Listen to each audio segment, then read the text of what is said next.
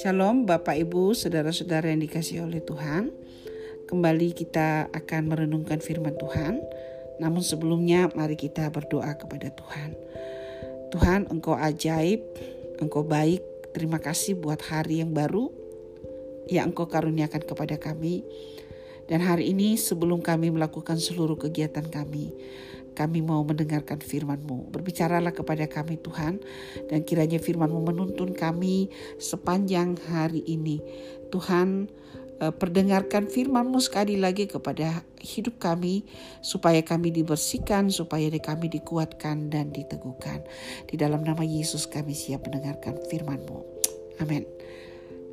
Bapak Ibu, mari kita akan um, merenungkan firman Tuhan yang hari ini terambil dari dua Tawarik pasal yang ke-29 ya.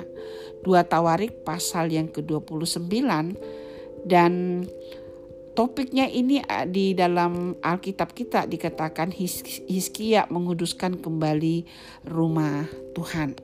Nah, di dalam ayat yang kedua, referensi atau penilaian kepada Raja Hizkia ini dituliskan di dalam satu kalimat. Ia melakukan apa yang benar di mata Tuhan, tepat seperti yang dilakukan Daud, bapak leluhurnya. Kemarin kita sudah mendengar uh, salah satu bagian dari raja-raja di Yehuda yang memerintah, yaitu Raja Ahad, Ahas, dan uh, dia dinilai di dalam pasal yang ke-28 bahwa ia tidak melakukan apa yang benar di mata Tuhan seperti Daud bapa leluhurnya dan uh, kemudian di dalam bagian terakhir ya dikatakan bahwa tindakannya bukan berubah waktu dia semakin tua tetapi dia uh, melakukan tindakan yang menyakiti hati Tuhan. Ahas di dalam ayat yang ke-24, Ahas mengumpulkan perkakas rumah Allah dan menghancurkannya. Ia menutup pintu rumah Tuhan lalu membuat mesbah bagi dirinya di segenap penjuru Yerusalem.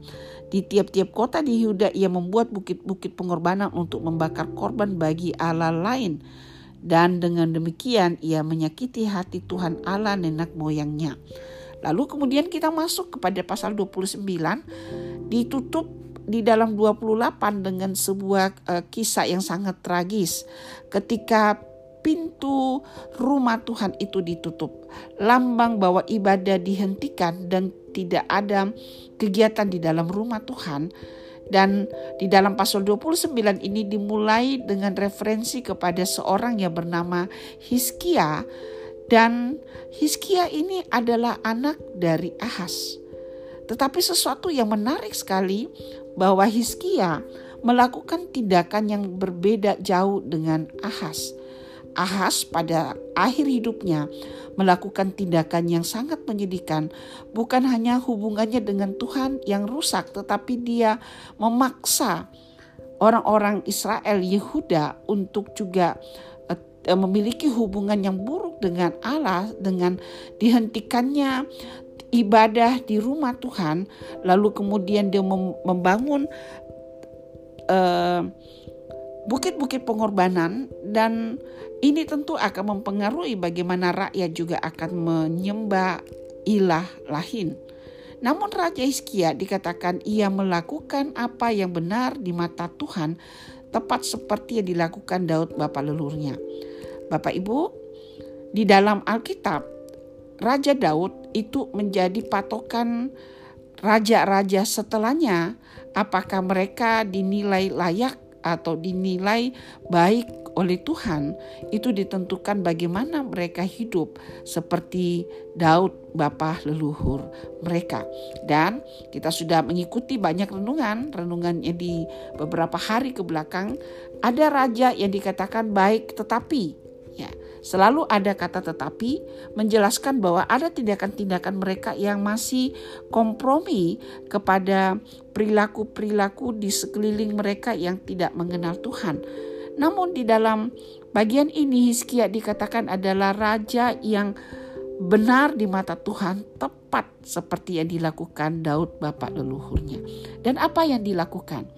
Dia merestorasi atau memulihkan kembali apa yang dihancurkan oleh ayahnya sendiri dan kemudian dia e, memastikan bahwa apa yang dilakukan atau dimulai oleh bapak leluhurnya Raja Daud ini kembali terjadi di bangsa Israel atau bangsa Yehuda dalam kaitannya dengan peribadatan. Pelajaran apa yang kita bisa dapat dari Raja Hizkia? Pertama adalah bahwa siapa engkau tidak ditentukan oleh masa lalumu atau orang-orang di sekelilingmu, engkau tidak bisa menaruh uh, alasan untuk membebaskan dirimu dari kesalahan-kesalahan yang engkau perbuat. Hizkia tidak mengambil jalan mudah dan berkata, "Saya begini, saya tinggal meneruskan apa yang dilakukan oleh ayah saya, jadi jangan salahkan saya." Tetapi Hizkia belajar dari firman Tuhan bahwa di masa lalu ada ayah leluhurnya yang betul-betul hidup berpadanan dengan Torah, dengan Taurat Tuhan, dengan hukum Tuhan. Dan kemudian Hizkia memutuskan untuk mengikuti itu karena di dalam hatinya dia tahu inilah yang akan menyenangkan hati Tuhan. Dia tidak memakai alasan kejahatan dari ayah kandungnya sendiri untuk membuat hidupnya, standar hidupnya lebih rendah dari apa yang dituntutkan oleh firman Tuhan. Nah, apa yang dilakukan oleh Raja Ahas itu adalah sebuah tindakan pencemaran, tindakan menodai kesucian Allah. Dan kemudian Raja Hizkia melakukan apa yang harus dilakukan. Pertama-tama dia membuka pintu-pintu rumah Tuhan yang ditutup oleh ayahnya sendiri. Dan kemudian dia mendatangkan para imam dan orang-orang Lewi. Ya, kemungkinan besar orang-orang yang Para imam dan orang-orang Lewi ini hidup di dalam ketakutan sebenarnya pada Raja Ahas. Itu sebabnya Hizkia harus mencari mereka dan mendatangkan mereka, mengumpulkan mereka. Lalu kemudian mereka diminta untuk melakukan apa yang mereka harus lakukan sebagai pelayan Tuhan, yaitu kuduskan diri mereka terlebih dahulu Mungkin karena ketakutan kepada situasi politik, banyak mereka yang di, dikategorikan sebagai hamba Tuhan berdiam diri dan ini adalah sebuah tindakan pencemaran kepada jabatan mereka sebagai hamba Tuhan. Dan Tuhan melalui Hizkia meminta mereka bertobat, kuduskan dirimu Lalu setelah mereka menguduskan diri mereka, mereka diminta untuk menguduskan rumah Tuhan dengan mengeluarkan segala kecemaran dari tempat kudus tersebut.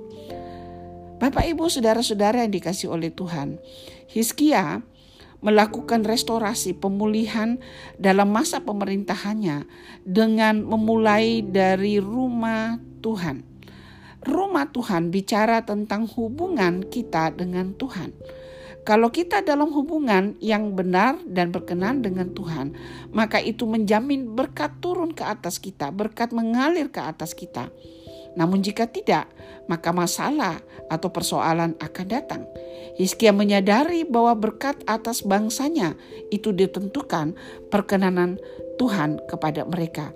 Dan satu-satunya hal bagaimana kita bisa berkenan kepada Tuhan adalah kita hidup kudus kita bercermin kepada kekudusan Allah, kita merefleksikan kebenaran Allah, kekudusan Allah di dalam hidup kita sehari-hari, di dalam cara kita beribadah, di dalam cara kita melakukan ritual di rumah Tuhan. Bapak, ibu, saudara-saudara, Raja Hizkia mengingatkan apa yang dilakukan oleh pendahulu mereka dalam kejahatan mereka itu tidak boleh diteruskan, harus dihentikan, dan kemudian memulai start awal, start yang baru, yaitu hidup berkenan dengan kehendak Tuhan, hidup berpananan dengan apa yang Tuhan mau. Nah, dengan demikian, kemudian Raja Hizkia melakukan pergerakan yang lebih lagi Dia bukan hanya mentahirkan seluruh rumah Tuhan, tetapi kemudian dia memulai melakukan ibadah yang mem mempersembahkan korban bakaran. Ada aroma di dalam bait Allah, persembahan penghapus dosa dan seluruh tuntutan dari dari hukum Taurat ini dilaksanakan oleh Raja Hizkia dan men, menolong para hamba-hamba Tuhan untuk melakukan tugas mereka dengan sebaik-baiknya dan mengajak para pelayan-pelayan Tuhan yang lain itu terlibat di dalam persiapan di mana umat Tuhan juga akan bersatu, akan bergabung di dalam perayaan pengagungan kebaikan Tuhan yang sangat semarak. Di dalam ayat yang ke-30 Bapak Ibu Saudara-saudara. Ketika seluruh sistem korban bakaran yang menjamin akan pemulihan hubungan mereka dengan Tuhan selesai dilaksanakan dikatakan lalu Raja Hizkia dan para pemimpin memerintahkan orang-orang Lewi menyanyikan puji-pujian untuk Tuhan dengan kata-kata Daud dan Asaf pelihat itu mereka menyanyikan pujian-pujian dengan sukaria lalu berlutut dan sujud menyembah Ketika terjadi penyucian, maka akan ada penyembahan yang berkenan yang naik ke hadirat Tuhan. Dan jikalau penyembahan itu terjadi dengan sungguh-sungguh dengan benar, maka akan ada sukacita yang melampaui kegembiraan atau kebahagiaan Sukacita itu tidak ditentukan dengan apa yang ada di tangan mereka, tetapi sukacita itu datang waktu mereka tahu mereka diterima oleh Allah, hubungan mereka dipulihkan oleh Allah. Dan di dalam ayat yang ke ayat yang ke-34 ya dikatakan bahwa orang Lewi itu bersungguh-sungguh menguduskan dirinya dari para imam dan kemudian di bagian ayat yang ke-35 bagian yang B demikianlah ibadah di rumah Tuhan ditetapkan kembali. Hizkia dan seluruh seluruh bangsa Israel ini mereka bersuka cita akan apa yang telah terjadi yaitu restorasi atau pemulihan hubungan dengan Tuhan. Bapak Ibu saudara-saudara, apa yang Bapak Ibu sedang alami hari ini? Mungkin ada saatnya kita harus datang kepada Tuhan dan mengizinkan Tuhan mengoreksi hidup kita. Jikalau ada yang perlu kita perlu pemulihan, maka kita harus siap untuk berubah.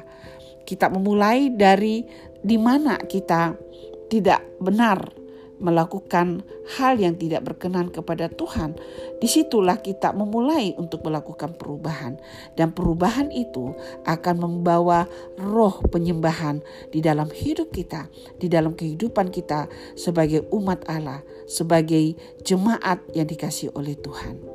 Bapak Ibu, apakah Bapak Ibu merindukan restorasi atau pemulihan di dalam hidupmu, di dalam pelayananmu? Di dalam keluargamu, di dalam hubungan kita sebagai tubuh Kristus di GSCA Bethesda?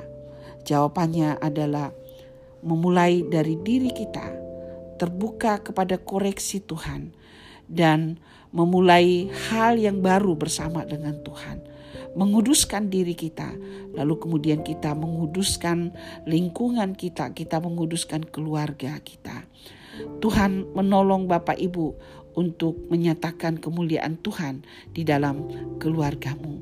Tidak ada alasan bagi kita untuk berkata, "Ya, saya begini karena saya produk dari keluarga seperti ini." Kita bisa berubah oleh karena Roh Allah ada di dalam diri kita. Kita bertekad dan Tuhan akan memampukan kita. Kiranya Tuhan menolong Bapak Ibu seperti Hizkia memilih untuk hidup benar di hadapan Tuhan. Walaupun ada alasan bagi dia bahwa dia berasal dari seorang ayah yang sama sekali tidak memberi keteladanan kepada dia. Tuhan memberkati Bapak Ibu, berjalanlah bersama dengan Tuhan dan minta restorasi, minta pemulihan terjadi dalam hidupmu supaya engkau sungguh-sungguh menikmati kehidupanmu sebagai umat Tuhan.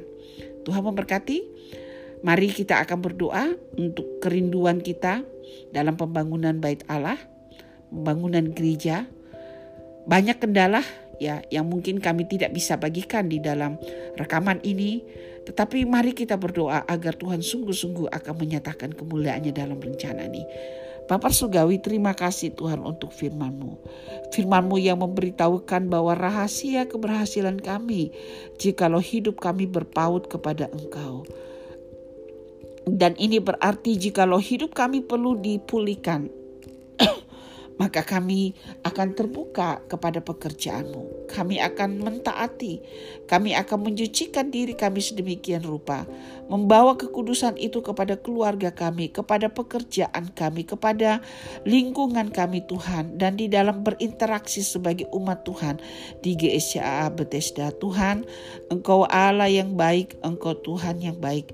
Tolonglah kami untuk melihat pentingnya kami hidup kudus, pentingnya kami serius dengan kekristenan kami, karena itulah sumber berkat, sumber perkenananmu. Berkati kami sepanjang minggu ini Tuhan.